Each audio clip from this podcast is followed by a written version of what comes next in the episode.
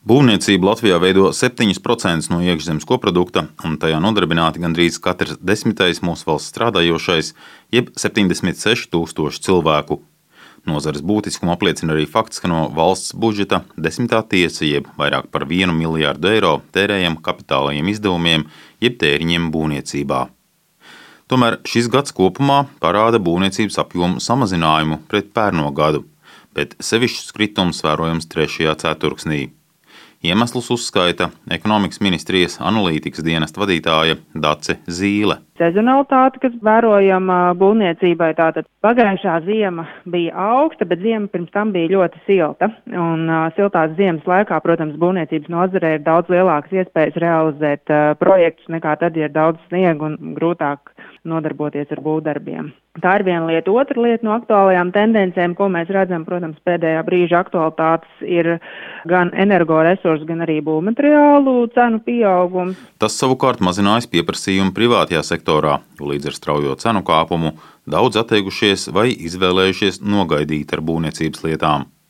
Taču Latvijas Būvnieku asociācijas prezidents Normons Grīnbergs norāda, ka objektu ir daudz un arī pieprasījums kopumā ir ievērojams. Bet te pašā laikā tā kapacitāte ir ierobežota. Nedaudz varbūt Covid ar saviem ierobežojumiem kaut ko pakavē, un es domāju, ka šie rādītāji, tā ir mana prognoze, gada beigās, kaut gan parasti gada beigas ir tieši otrādi, kad pīķis, ka gada beigās nekāds kāpums nebūs, ka tāpat apmēram ap šiem rādītājiem noturēsies gada beigās, jo gada beigas ietekmēs arī šīs te Covid certifikāta prasības, kur būvniecībā daudz nav. Ar šo certifikātu un līdz to decembrī būs viņus jāatstādina, nebūs, kas tos darbus veids gada beigās. Kāds te prognozē tās gada beigas un pēc tam nākamā gada sākumu jau tagad izskatās, man vismaz paziņa lokā ir bruģētāji, kas brauc ar BMW džipiem uz darbu. Nu, izskatās, ka ja darbinieki kļūs mazāk, tad palikušie darbinieki kļūs vēl prasīgāki.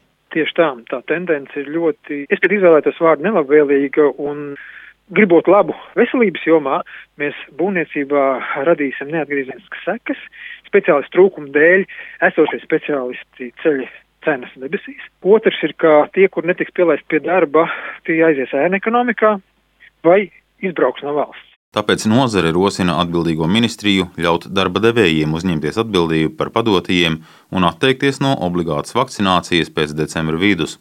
Citādi draud ar nepārvaramas varas apstākļiem, kas liekas pildīt uzņemtās saistības.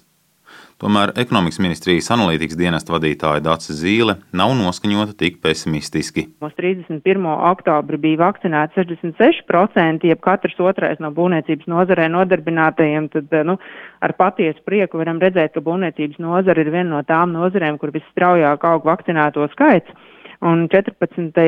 novembrī bija vakcinēti jau 74% no nodarbinātiem. Tātad divu nedēļu laikā papildus 5,2 tūkstoši bija saņēmuši šos te sadarbspējīgos certifikātus. Un uzturot tādu labu tempu, es ticu, ka nebūs e, grūti būvniecībai nodrošināt sev nepieciešamos darbiniekus. Tomēr darītāju nākamajā gadā trūks. To atzīst vairāki Latvijas radio aptaujātie eksperti un ne tieši arī pati nozares ministrija, atklājot, ka nākamajā gadā no valsts budžeta un Eiropas fondiem būvniecībā ieplūdīs jau gandrīz 2 miljārdi eiro, jeb teju divreiz vairāk nekā šogad.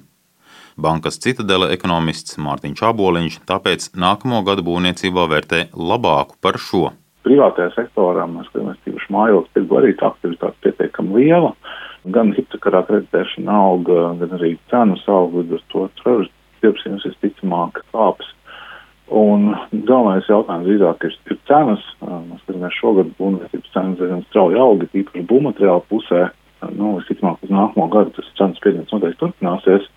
Arī nozarē brīvo jaudu, visticamāk, nav daudz. Un šobrīd, ņemot vērā, ka, protams, turpinās kāda pandēmija, ir ierobežots iespējas, ko var darbu spēku no, no piesaistīt no ārpuses, ja, ja vajag. Un jārēķinās, protams, ar to, ka, jā, tas ir tāds spēcīgs pieprasījums visā reģionā, līdz ar to nu, arī par mūsu darbiniekiem kaut kāda konkurence. Tāpēc, jā, nu, tas cenu spiediens, manuprāt, ir lielākais faktors, jo pieprasījums tīpaši no valsts puses nākamais būs un būs lielāks nekā šogad. Jautājums, kā to visu var realizēt, par kādām izmaksām. Būvnieku asociācija nākamajā gadā prognozē ne tikai vairāk darba un cenu celšanos, bet arī laikā nepabeigtus darbus, pārtrauktus līgumus, soda sankcijas un tiesvedības. Edgars Kupčs, Latvijas radio.